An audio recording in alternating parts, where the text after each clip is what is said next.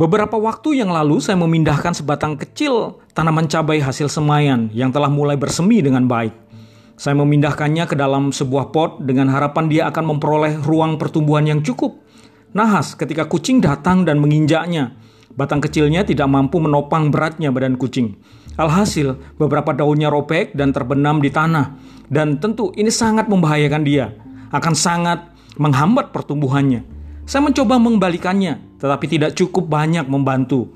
Sampai saya putuskan mencabutnya dan memindahkannya ke aquaponic system. Dan saya mendapati pohon cabai itu beberapa waktu kemudian, sekalipun beberapa bekas luka pada daunnya masih terlihat, namun dia terlihat sehat dan segar.